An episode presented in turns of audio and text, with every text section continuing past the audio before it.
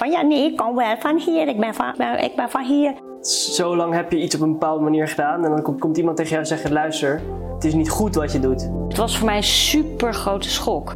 Ja, dit is natuurlijk gewoon uh, heel erg fout eigenlijk. Dat je denkt, ja, natuurlijk. Foute boel. Zij die Beppe, die toen nog leefde, die zei...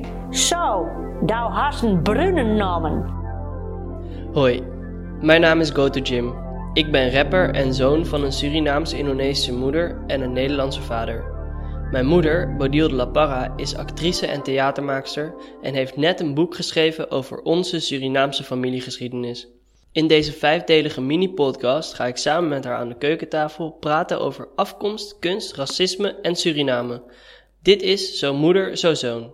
Op welk moment werd jij je bewust van dat ik eigenlijk niet. Ik ben namelijk in bloed helemaal niet Nederlands. Nee, nee, ook wel toch een beetje, je hebt ook wel een beetje een... Uh... In paspoort in Nederlands, in bloed ben ik van de koloniale delen van Nederland en dus eigenlijk niet wit. In mijn vak moeten ze altijd bij nadenken als ik word gecast.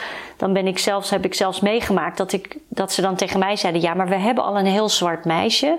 Dus uh, als jij er dan bij komt, dan uh, ja, nee, dus dat kunnen we niet helemaal waarmaken. Dus ze hebben over mij nagedacht uh, in de acteerwereld. Als ze mij voorstellen, of ze me wel of niet voorstellen. Omdat ik kon dan niet zomaar een blond kind hebben als ik een moeder speelde. Of een, mm -hmm. Weet je, dus ze hebben daar. Dus ik ben daar echt mee geconfronteerd. Weet je, dus je moet, als je gecast wordt, moet je sowieso in een plaatje horen. Uh, dus dat, was, dat vond ik ook opnieuw heel confronterend soms. Ja, dat snap ik.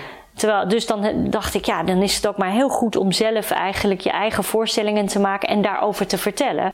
Wanneer ja. realiseerde jij je dat ik in principe niet uh, op die manier wit ben? Ja, ik denk, ik denk veel, heel laat eigenlijk pas. Ja, echt, echt heel laat. Als in twee jaar geleden of zo. Of drie jaar geleden misschien. Maar ook al omdat je zei van, ik ben, je weet wel dat ik Surinaams ben. En ja, maar op die manier daar nooit zo op die manier bij stilstaan. Ook als ik me zo bedenk en hoe ik misschien hier... Uh, uh, ik, ik kan me nog wel eens herinneren dat ik in het begin van die Zwarte Pieten discussie... bijvoorbeeld hier wel eens aan tafel heb gezet... ja, Zwarte Piet moet gewoon uh, zwart blijven, bij wijze van spreken. Of in, in die zin van, niet, niet op die manier zo hard, maar van, van ja, laat Zwarte Piet gewoon zijn wie die moet zijn. Als kind heb je dat gezegd ja, als kind, of Ik gedacht? denk dat ik wel wat ouder was, 16, 17 misschien. Oké. Okay. Uh, en dat ik eigenlijk pas een paar jaar geleden bij stilgestaan van, wacht eens even, volgens mij, mijn moeder is ook gewoon van kleur.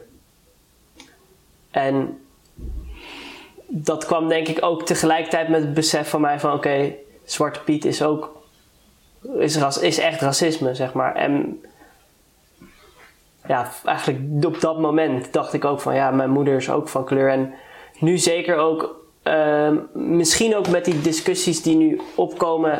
En waarom ik me ook graag zo graag wil uitspreken, is omdat mijn, mijn moeder heeft ook, heeft ook een uh, niet-Nederlandse achtergrond.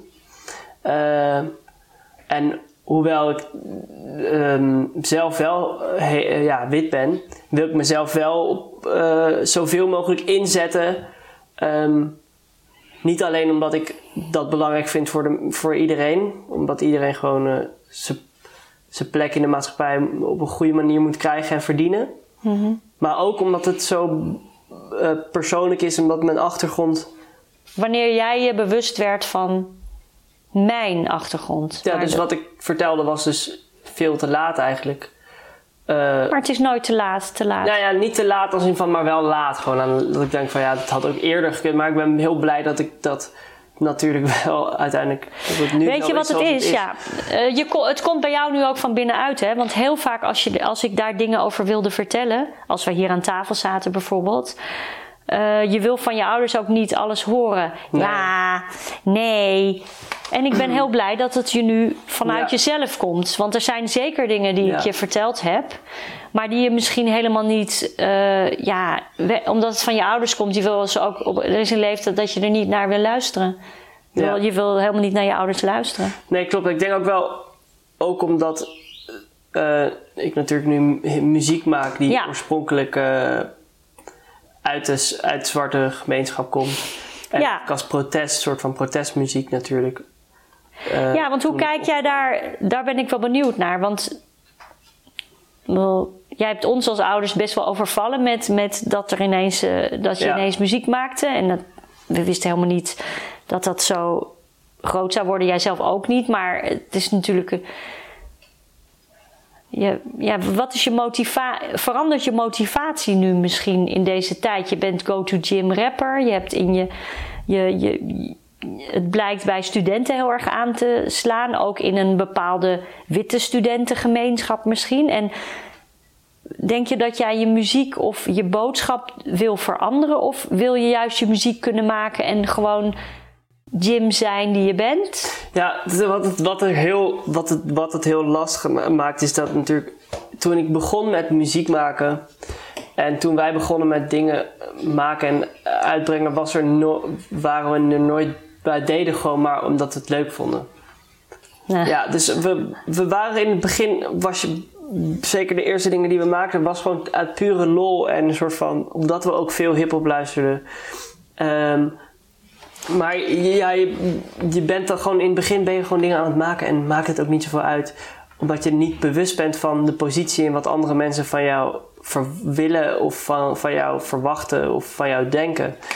En um, dat al die witte studenten of alles, zoveel studenten mij zijn. Um, uh, mij vet gaan, zijn gaan vinden, is nooit de bedoeling geweest. Als in van, ik heb altijd muziek gemaakt en dat is in principe voor iedereen. Ja. En het is met een knipoog naar heel veel dingen uh, natuurlijk. Uh, ja, het is gewoon met een knipoog naar heel veel dingen. En dat snappen mensen wel of snappen mensen niet. En dat, die, dat hele gesprek daar, dat vind ik interessant en leuk om op te zoeken. Maar je komt er wel op een gegeven moment achter van, oh ja, dus al heel veel, je hebt dus ook heel veel witte volgers en maar daar kan je juist in deze situatie veel mee doen. Omdat je, ik die mensen nu, ik kan hun bereiken met, deze, met de shit die wij nu doen hier. Uh, met de dingen die ik probeer over te brengen. Maar ik ben wel ook wel weer bewuster van geworden dat, dat mijn muziek inderdaad wel komt vanuit zwarte cultuur. En daar ook, dat ik dat ook, dat die waardering daar naartoe wil uitstralen. En dat wil je misschien niet zo per se in teksten. Ja, en ik, want dat is... kijk, ik had heel erg over nagedacht, want ik heb ook wel dingen geschreven die wel veel dieper waren en ook gerapt. Uh, alleen ik weet niet zo goed wat ik daarmee wil, omdat ik het gevoel heb dat dit project, dat Go to Gym, eigenlijk een soort van heel erg, juist heel uh, frivol, heel, um, heel vrij moet zijn. Niet vrij, ja, heel erg. Uh, vrij van zorgen moet zijn om naar te luisteren. Dat ook een beetje het idee is van. Ja. Ja. Uh, en als je dus heel veel, opeens heel veel beladen teksten gaat schrijven, dat op, op het moment voelt dat ook nog niet helemaal goed om dat op een bepaalde manier te doen. Maar ik denk, ik wil het juist op andere manieren wel ja. mee bezighouden. Dat begrijp ik wel. Dat, ja. Dus Je, hebt, je hebt nu eenmaal ontdekt, je hebt dat platform omdat je volgers hebt. Dat is toch.